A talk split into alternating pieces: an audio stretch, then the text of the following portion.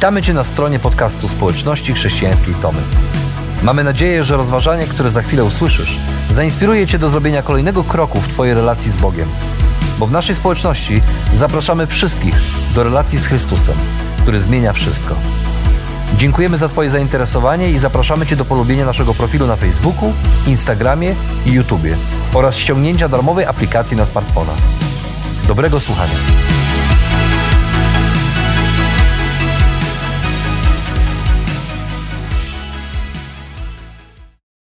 Czasami zastanawiam się nad tym, czy warto być naśladowcą Jezusa. Pomyślał sobie Eliaszib. Właśnie siedział przy stole po dniu całym pracy i kończył jeść kolację, wpatrując się w ogień, który dogasał na palenisku.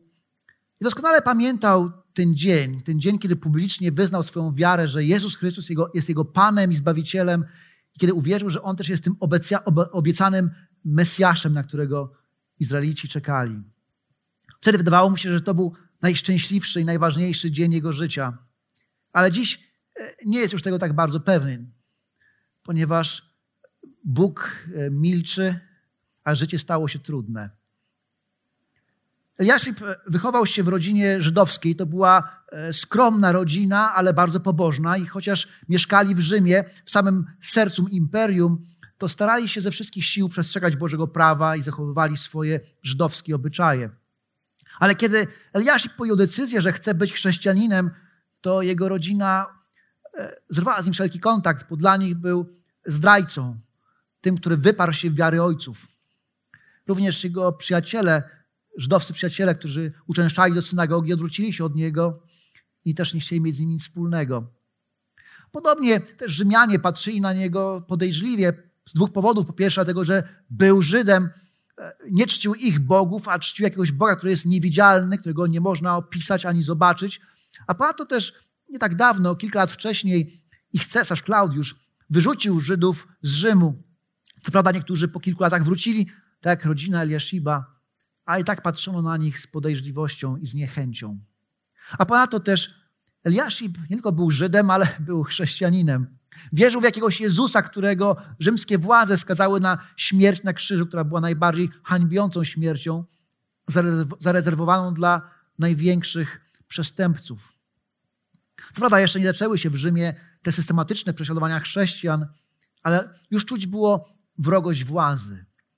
Niektórzy z przyjaciół Eliashiba, e, którzy byli chrześcijanami, trafili do, do więzień, stali aresztowani. Innym zabrano ich domy, majątki, Chrześcijanie nie mogli zbierać się otwarcie i publicznie, więc robili to w mniejszych grupach pokryjomu. A teraz Eliaszib siedzi przy swoim stole i zastanawia się, e, czy warto być naśladowcą Jezusa. Czy lepiej może nie wrócić do, do judaizmu, do, do swoich korzeni. Wtedy przynajmniej miałby wsparcie swojej rodziny, swoich najbliższych, no i mógłby liczyć na pomoc swoich przyjaciół z synagogi. A gdzieś w tym samym czasie, kiedy on siedział przy swoim stole, w jakiejś innej części kraju, za innym stołem, siedział nieznany nam z imienia nauczyciel, który wziął kawałek pergaminu i zaczął pisać list. List, który znam jako list do Hebrajczyków. I to był właśnie list adresowany do takich ludzi jak Eliaszib, którzy byli chrześcijanami żydowskiego pochodzenia, ale w wyniku presji z zewnątrz i, i trudności, prześladowań zastanawiali się, czy przypadkiem nie porzucić swojej wiary, nie dać sobie spokoju i nie zapomnieć o Jezusie, bo wtedy życie byłoby łatwiejsze. To byli ludzie, którzy zadawali, zadali sobie pytanie, e, czy Bóg ma coś do powiedzenia w mojej sytuacji? I dlaczego Bóg milczy, kiedy potrzebuje Jego pomocy? I okazuje się, że to pytanie nie straciło na aktualności przez wieki. Bo dzisiaj także są miejsca na świecie, gdzie chrześcijanie są prześladowani i doskonale wiedzą, że dzisiaj ich życie mogłoby stać się łatwiejsze, gdyby tylko wyparli się swojej wiary i wyparli się Jezusa. W innych miejscach chrześcijanie nie są prześladowani, ale doświadczają e, milczenia Boga. Tak było z Tedem Turnerem. Ted Turner jest amerykańskim e, potentatem medialnym i filantropem, e, a też znany jest z tego, że w dosyć wcięty i szyderoczy sposób wypowiada się o chrześcijanach. Mówi, że chrześcijaństwo to jest religia dla nieudaczników. No ale nie zawsze tak było, ponieważ Ted wychował się w chrześcijańskiej rodzinie. Kiedy miał 17 lat, marzył o tym, żeby zostać misjonarzem. mówi sam, jak wspomina, że nawrócił się siedem razy. W tym jeden raz na kazaniu znanego ewangelisty Billy Grahama. Ale potem coś się wydarzyło w jego życiu, ponieważ kiedy jego siostra miała 20 lat, zmarła na rzadką chorobę stawów. Przez ostatnie 5 lat jej życia Ted codziennie modlił się o nią przez pół godziny. Modlił się o jej uzdrowienie. Ale to uzdrowienie nie nadeszło. Jego siostra zmarła w cierpieniach. I on powiedział: Jeżeli Bóg milczy i pozwolił na to, aby moja siostra w ten sposób odeszła, ja nie chcę z nim nigdy więcej rozmawiać. I to był jego moment pożegnania się z Bogiem. I czasem tak jest, że my też doświadczamy momentu w swoim życiu, kiedy modlimy się do Boga, kiedy wołamy, kiedy Bóg zdaje się milczeć, kiedy patrzymy na życie wokół, ono staje się trudne, kiedy świat, w którym żyjemy, nam się nie podoba i chcielibyśmy usłyszeć jakiś głos od Boga, żeby Bóg coś powiedział, a Bóg zdaje się milczeć, a my zadajemy sobie pytanie, co On ma do powiedzenia w mojej sytuacji, w tych okolicznościach. I wtedy właśnie warto jest sięgnąć do tego listu, który nieznany autor napisał do Hebrajczyków. A ten list zaczyna się takimi słowami: Bóg, który stopniowo i na wiele sposobów objawiał dawno, dawniej swoje słowo ojcom przez proroków, w tych ostatnich dniach przemówił do nas w osobie syna. Jego ustanowił dziedzicem wszystkiego. Przez niego również stworzył wszystko, co istnieje w czasie i przestrzeni. On, jako odblask Bożej chwały i odbicie Jego postaci, ten, który podtrzymuje wszystko słowem swojej mocy, gdy sam oczyścił nas z grzechów, zasiadł po prawej stronie majestatu na wysokościach i stał się o tyle ważniejszym od aniołów, o ile wspanialszy od nich odziedziczył imię. Autor tego listu mówi, że chociaż czasem nam się wydaje, że Bóg milczy, to rzeczywiście Bóg nie milczy, ponieważ e, Bóg od początku mówi i, na, i przemawia do nas na różne sposoby. Bóg powiedział i stworzył świat, stworzył e, świat swoim słowem. A potem na różne sposoby przemawiał w historii przez wydarzenia i przez proroków, których posyłał. I czytamy, że stopniowo odsłaniał swój plan zbawienia, krok po kroku.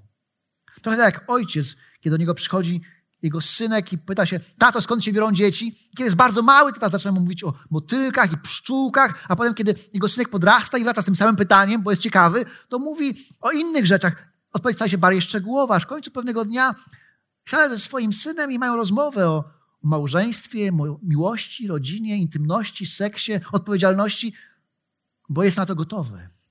Jak samo Bóg stopniowo odsłaniał swój plan zbawienia, aż w końcu w jakimś momencie przemówił nie przez proroków, ale przemówił przez swojego własnego syna. To sam Bóg stał się człowiekiem i wkroczył w naszą historię. I Bóg przemówił przez swego syna. A kiedy Jezus przyszedł na świat, to zachował się inaczej niż prorocy. Bo prorocy mówili, tak mówi Pan. I potem komunikowali to, co Bóg chciał powiedzieć. A Jezus nigdy nie powiedział, tak mówi Pan. On mówi, ja wam powiadam, ja wam mówię, bo to On jest samym Bogiem, który stał się człowiekiem. I to Bóg stał się człowiekiem i ludzkim głosem i ludzkim językiem do nas przemówił w sposób, który możemy zrozumieć i który może do nas dotrzeć. To jest trochę tak, jakbyś miał akwarium z rybkami. Bardzo lubisz ryb, rybki, więc o nie dbasz. Regularnie je karmisz, zmieniasz im wodę, czyścisz akwarium, sadzisz im roślinki, żeby ładnie wyglądało, żeby rybki dobrze się czuły. Ale masz takie poczucie, że te rybki jak naprawdę cię nie znają, ani cię nie lubią i nie wiedzą, kim jesteś, a, a chciałbyś, żeby cię polubiły i poznały, więc zastanawiasz, jak to zrobić, żeby, żeby one cię mogły poznać. No kiedy się zbierz do akwarium, one widzą twój cień, to się boją, uciekają, więc kombinujesz i w końcu wymyślasz, ha, gdyby tak było możliwe, i okazuje się, że to jest możliwe, żeby stać się rybką. Więc stajesz się rybką, skakujesz do akwarium i możesz jako rybka w ich rybim języku opowiedzieć im o tym, jak bardzo ich kochasz, jak bardzo się o nich troszczysz, bo jesteś jedną z nich. I to właśnie zrobił Jezus. To zrobił Bóg. Bóg stał się człowiekiem i wkroczył w nasz świat i powiedział nam w naszym ludzkim języku, kim jest i co dla niego znaczymy. I czytamy w tym tekście, że ten Syn Boży, który przyszedł na świat, jest odblaskiem Bożej chwały. Tak promieni słonecznych nie możemy oddzielić od słońca, tak samo Syna Bożego nie możemy oddzielić od Jego Ojca. I dalej ten tekst mówi, że jest odbiciem jego postaci. Tak pieczęć odbita w wosku pozostawia swoje odzorowanie, tak Jezus jest odbiciem, uosobieniem charakteru, natury, istoty samego Boga. Ponieważ to On stworzył cały świat. Mało tego, podtrzymuje go słowem swojej mocy, czyli to On sprawia, że ten świat trzyma się kupy, się nie rozsypie, to On za tym wszystkim stoi. A nie tylko go stworzył, ale w jakimś momencie przyszedł na świat, aby oczyścić nas z naszych grzechów. I w Starym Testamencie prorocy zapowiadali ten moment, kiedy pewnego dnia Bóg nas zbawi. Ale Jezus nie tylko o tym mówił, ale On przyszedł, aby nas zbawić i wypełnił proroctwa, które wcześniej o Nim mówiono. A kiedy tego dokonał, czytamy, że zasiadł po prawej stronie majestatu, wrócił do Ojca i zasiadł na, na swoim tronie, na tronie chwały. A więc tutaj autor do Hebrajczyków w tych kilku fragmentach pokazuje całą historię zaangażowania Bożego Syna w historię świata, od stworzenia, przez Jego przyjście na świat, aż po niebo wstąpienie. I pokazuje nam, że to dzięki Bożemu Synowi możemy poznać, jaki jest Bóg, możemy Go doświadczyć, ale też On przed po to, aby otworzyć nam drogę do Boga. A więc kiedy uważnie wsłuchujemy się w ten tekst, to odkrywamy, że Bóg nie milczy. Bóg nie milczy, ale Bóg przemówił przez Syna, który nie ma sobie równych, bo jako Syn Boga doskonale pokazuje, jaki jest Bóg. Jednak ten sposób objawienia, jaki Bóg wybrał, wiąże się z pewnym ryzykiem. Bo jeśli faktycznie mógłbyś stać się rybką i stałeś się rybką i skoczyłeś do akwarium, to znaczy, że wyglądasz jak rybka, zachowujesz się jak rybka i mówisz jak rybka. A to znaczy, że inne rybki mogą nie do końca uwierzyć, że jesteś kimś, kimś innym, że jesteś człowiekiem, który przyszedł z innego świata i chce im powiedzieć o tym, jak bardzo ich kocha i że jakiś inny świat w ogóle istnieje. Ryzyko jest takie, że inni mogą ci nie uwierzyć. I takie ryzyko podjął Bóg, ponieważ przyszedł na świat jako człowiek i Syn Boży stał się człowiekiem, a więc wyglądał jak człowiek, mówił jak człowiek, zachowywał się jak człowiek. Pocił się, kiedy szedł po kamienistych drogach Galilei. Jadał posiłki, jak każdy z nas, był zmęczony. Można było z nim pójść na ryby albo zaprosić na kolację. W końcu można było go zabić. Dla wielu ludzi Jezus był tylko jednym z wędrownych nauczycieli, jakich było wielu w tamtym czasie w Izraelu. Jednym z wielu rabinów. Również dzisiaj, kiedy ludzie patrzą na Jezusa, często mówią, no, był wybitną postacią historyczną, ale to tylko jeden z wielu założycieli religii. Takich jak Buddha, Mahomet, Konfucjusz. Czym on się od nich różni? To tylko jeden z wybitnych nauczycieli filozofów, którzy byli na świecie. Nawet ktoś kiedyś zrobił statystyki wśród ewangelicznie wierzących chrześcijan w Stanach Zjednoczonych, czyli takich jak my.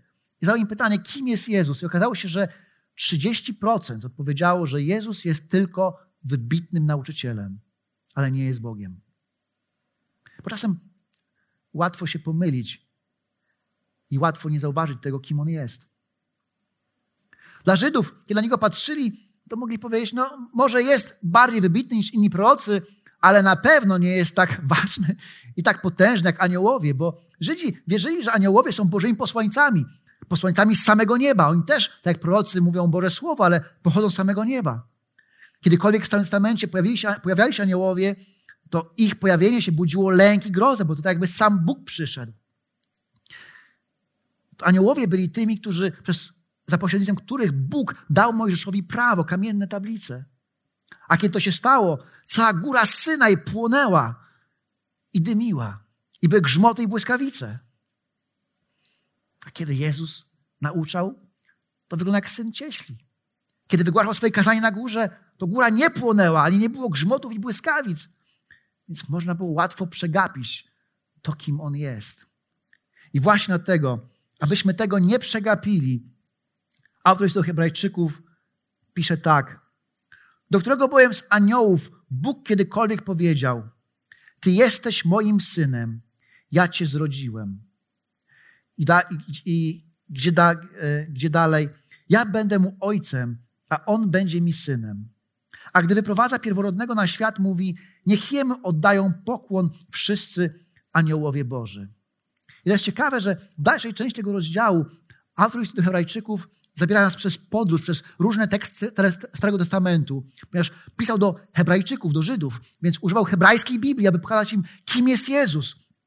I na początku mówi, zadaje pytanie retoryczne, do którego z aniołów kiedykolwiek Bóg powiedział? No do żadnego, no bo, no bo Jezus nie jest aniołem. A potem cytuję fragment, to jest fragment psalmu drugiego. Ty jesteś moim synem, ja cię dziś zrodziłem. Ten piękny psalm drugi to jest psalm, który mówi o tym, że Bóg jest królem, ale pewnego dnia pośle na świat Mesjasza, swojego pomazańca, który będzie jego synem. A dalej e, autor cytuje fragment ja będę mu ojcem, a on będzie mi synem. To jest prostwo, które Dawid otrzymał. Kiedyś Bóg powiedział Dawidowi, że Twoje królestwo będzie królestwem wiecznym, a jeden z Twoich potomków będzie moim synem. I mówi: Ja będę mu ojcem, a on będzie mi synem. Sam syn Boga zasiądzie na tronie Dawida. I być może Dawid, słysząc te słowa, pomyślał sobie: No tak, będę jakiegoś wybitnego potomka i Bóg nazwie go swoim synem. Ale nawet jemu nie przyszło do głowy być może, że to sam Bóg któregoś razu urodzi się w jego rodzinie jako człowiek. A żebyśmy nie mieli wątpliwości, kim naprawdę Jezus jest, to autor tego tekstu cytuje kolejny psalm, który tak, tak naprawdę jest parafrazą tego psalmu, psalm 97. Niech Jemu oddają pokłon wszyscy aniołowie Boży. I to ciekawe, bo ten psalm, on cały mówi o oddawaniu chwały Bogu, o czci, którą wszyscy i wszystko oddaje Bogu. A ten tekst w tym miejscu zostaje odniesiony do Jezusa, że oto wszyscy i wszystko i aniołowie oddają, mają oddawać chwałę Jezusowi, bo to On właśnie jest Bogiem. I gdyby tak nie było, to ten tekst mówiłby o największym bałwochwalstwie we wszechświecie. Kiedy aniołowie albo ktokolwiek inny oddaje cześć i chwałę komukolwiek innemu niż Bogu. Ale Jezus jest Bogiem. Kiedy przed na świat aniołowie wielbili Boga, a kiedy widzimy Go w objawieniu Jana, to widzimy, jak aniołowie padają i oddają Mu cześć i oddają Mu hołd i chwałę za to, kim jest. I tak to jest z nami, że kiedy jest taki moment w naszym życiu, kiedy odkrywamy, kim tak naprawdę jest Jezus Chrystus, kiedy dochodzimy do tego miejsca, kiedy uświadamiamy sobie, że On nie jest tylko wybitnym nauczycielem, nie jest filozofem, jednym z wielu założycieli religii, ale że On jest synem samego Boga. Kiedy odkrywamy, kim jest i po co przyszedł, to naturalnym pragnieniem jest to, że chcemy oddać Mu chwałę. Chcemy Go uwielbić.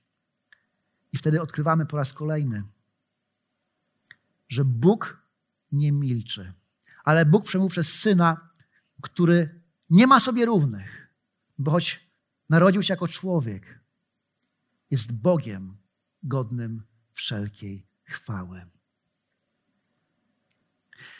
Jednak ten fakt czasem łatwo jest przegapić. Był kiedyś pewien kot, który postanowił, że chce zobaczyć króla. Więc powiedział swoim kolegom kotom, wybieram się do pałacu, żeby zobaczyć króla. Koty staknęły, życzyły mu powodzenia.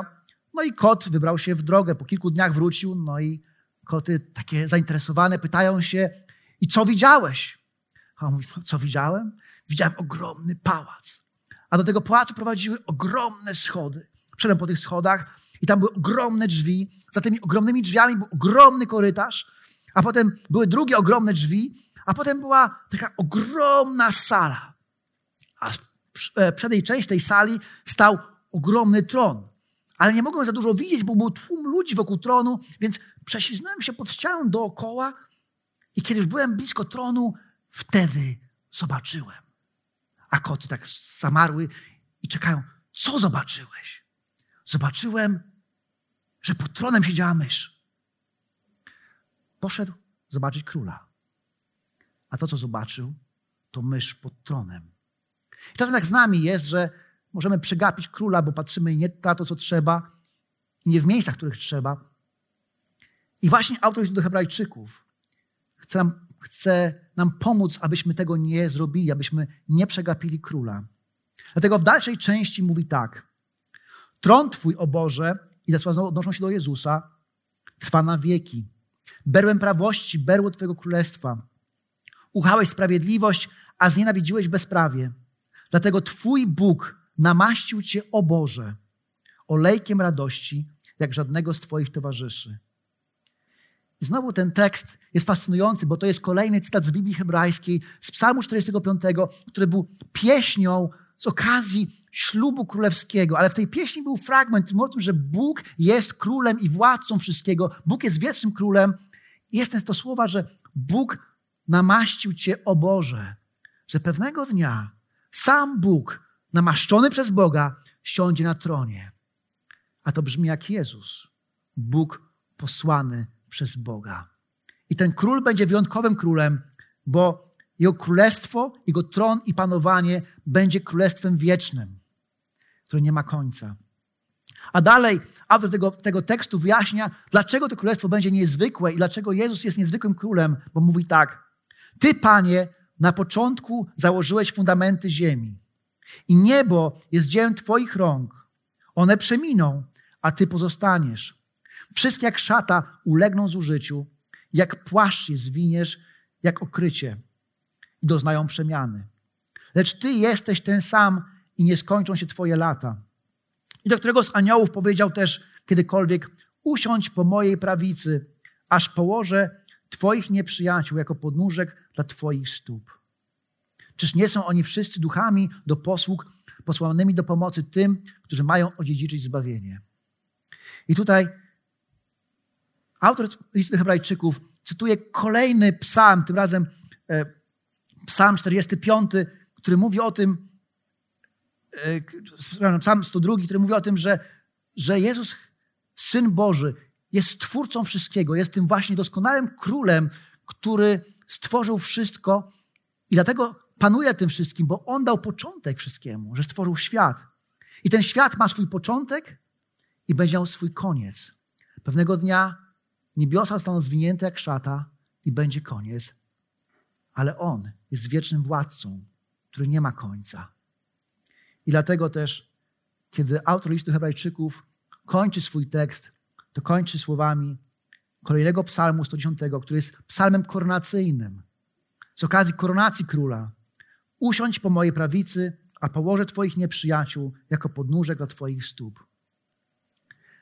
To słowa, które w psalmie są wypowiedziane do Mesjasza, do tego przyszłego króla, ale one są nadzieją na to, że pewnego dnia Bóg przyjdzie jako król do Izraela.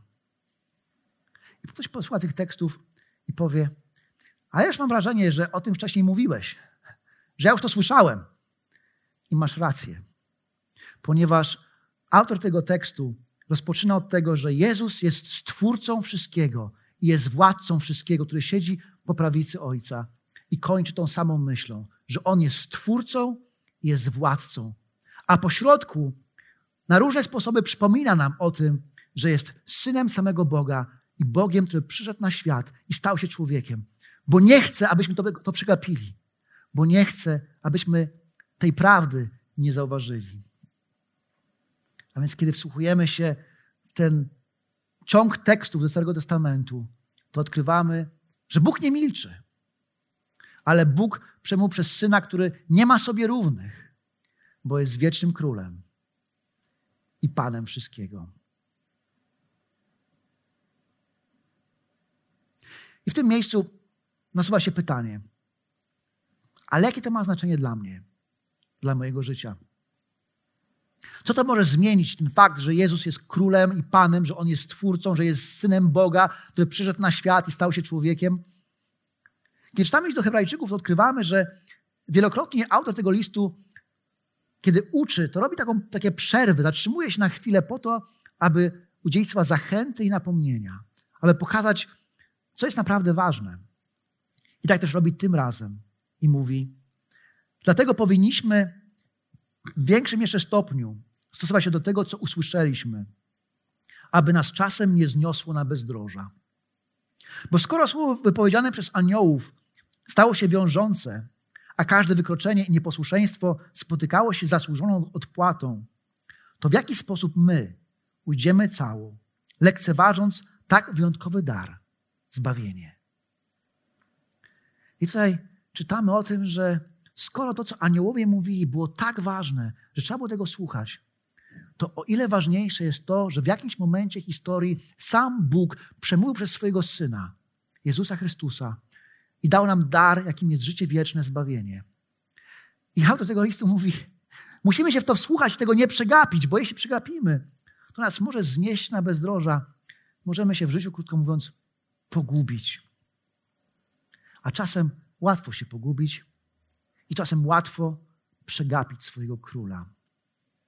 Był kiedyś pewien król, który lubił dowiadywać się, jak żyją się jego, jego, jego poddani, ale nie tylko chciał o tym słuchać, jak oni żyją, ale chciał to zobaczyć. Ale żeby to najlepiej zobaczyć, to robił tak, że przebierał się za jednego z nich. I często wkładał ubrania wieśniaka i szedł do jakiejś wioski albo miasteczka, żeby przyjrzeć się temu, jak ludzie żyją. I pewnego razu, tak w przebraniu wieśniaka, poszedł do pewnej gospody. Zapukał do drzwi, a w tej gospodzie akurat byli żołnierze z Gwardii Królewskiej wraz ze swoim dowódcą. Król zapukał do drzwi, właściciel gospody otworzył te drzwi, a on mówi, o, ch chciałbym zatrzymać się na nocleg i coś zjeść. Macie jakieś jedno miejsce? A gospodarz mówi, widzisz, gospodarz jest pełna tutaj, pełno jest żołnierzy królewskich, jego gwardii królewskiej. Nie ma dla ciebie miejsca, zresztą jesteś tylko wieśniakiem, idź stąd. Król mówi, ale czy jesteś pewien, że nie znajdzie się dla mnie jedno miejsce w twojej gospodzie? To mówi, nie, nie znajdzie się. Ale tę rozmowę usłyszał dowódca gwardii królewskiej, który słysząc tę wymianę zdań, podbiegł do drzwi, otworzył je szeroko, padł na kolana i mówi: Ubiór może być ubiorem wieśniaka, ale głos jest głosem mojego Pana i Króla. I o to właśnie chodzi w tym tekście, aby nie przegapić głosu swojego Pana i Króla. Czasem możemy myśleć, że Jezus, kiedy był na ziemi, nie wygląda jak król, wygląda tak bardzo zwyczajnie. Kiedy patrzymy na świat wokół, myślimy sobie, czy tym światem ktokolwiek rządzi? Ten świat jest pełen chaosu, zła i dobro zdaje się nie zwyciężać. Kiedy patrzymy na swoje własne życie, myślimy sobie, Boże, jest tyle modlitw nieodpowiedzialnych, tyle problemów, z którymi się zmagam. Czasem zdaje się, że milczysz i nie odpowiadasz na moje wołanie. Zdajemy sobie pytanie, czy ktoś tym w ogóle rządzi? I łatwo jest przegapić głos swojego Pana i Króla. Ale prawda jest taka, że Bóg nie milczy. I zamiast dać nam jakieś słowo zachęty, Bóg dał nam samego siebie. Sam przed na świat. Przed na świat po to, aby nas ocalić, uratować i zbawić, aby umrzeć za nasze grzechy. Przed na świat też po to, aby nam pokazać, że to On jest Panem historii, bo On tę historię zaczął i pewnego dnia tę historię zakończy, bo do Niego należy ostatnie słowo w historii świata i ostatnie słowo w Twojej i mojej historii.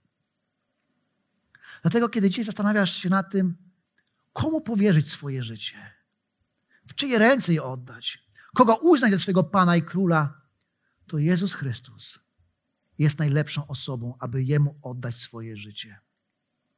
Bo On też stworzył Ciebie i zna Ciebie jak nikt inny na świecie i wie, co dla Ciebie najlepsze. I On też jest w stanie nadać sens Twojemu życiu. Że chociaż możesz zmagać się z bólem, z cierpieniem, z problemami, chociaż może być wiele trudnych sytuacji, to On jeden temu życiu może dać sens i cel, bo On chce być Twoim Panem i Zbawicielem. A więc kiedy wsłuchujemy się w słowa tego tekstu, tego listu pisanego do Hebrajczyków, to odkrywamy, że Bóg nie milczy, ale przemówił przez swojego Syna, abyśmy mogli Go poznać jako swego Króla i nie pogubili się w życiu. Dlatego nie przegap głosu swojego Pana i Króla, bo On jest najlepszy.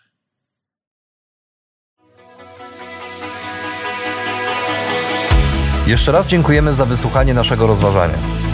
Jeżeli mieszkasz w okolicach Tomaszowa Mazowieckiego lub Łodzi, zapraszamy Cię do odwiedzenia nas na niedzielnym nabożeństwie. Więcej informacji znajdziesz na stronie schatomy.pl.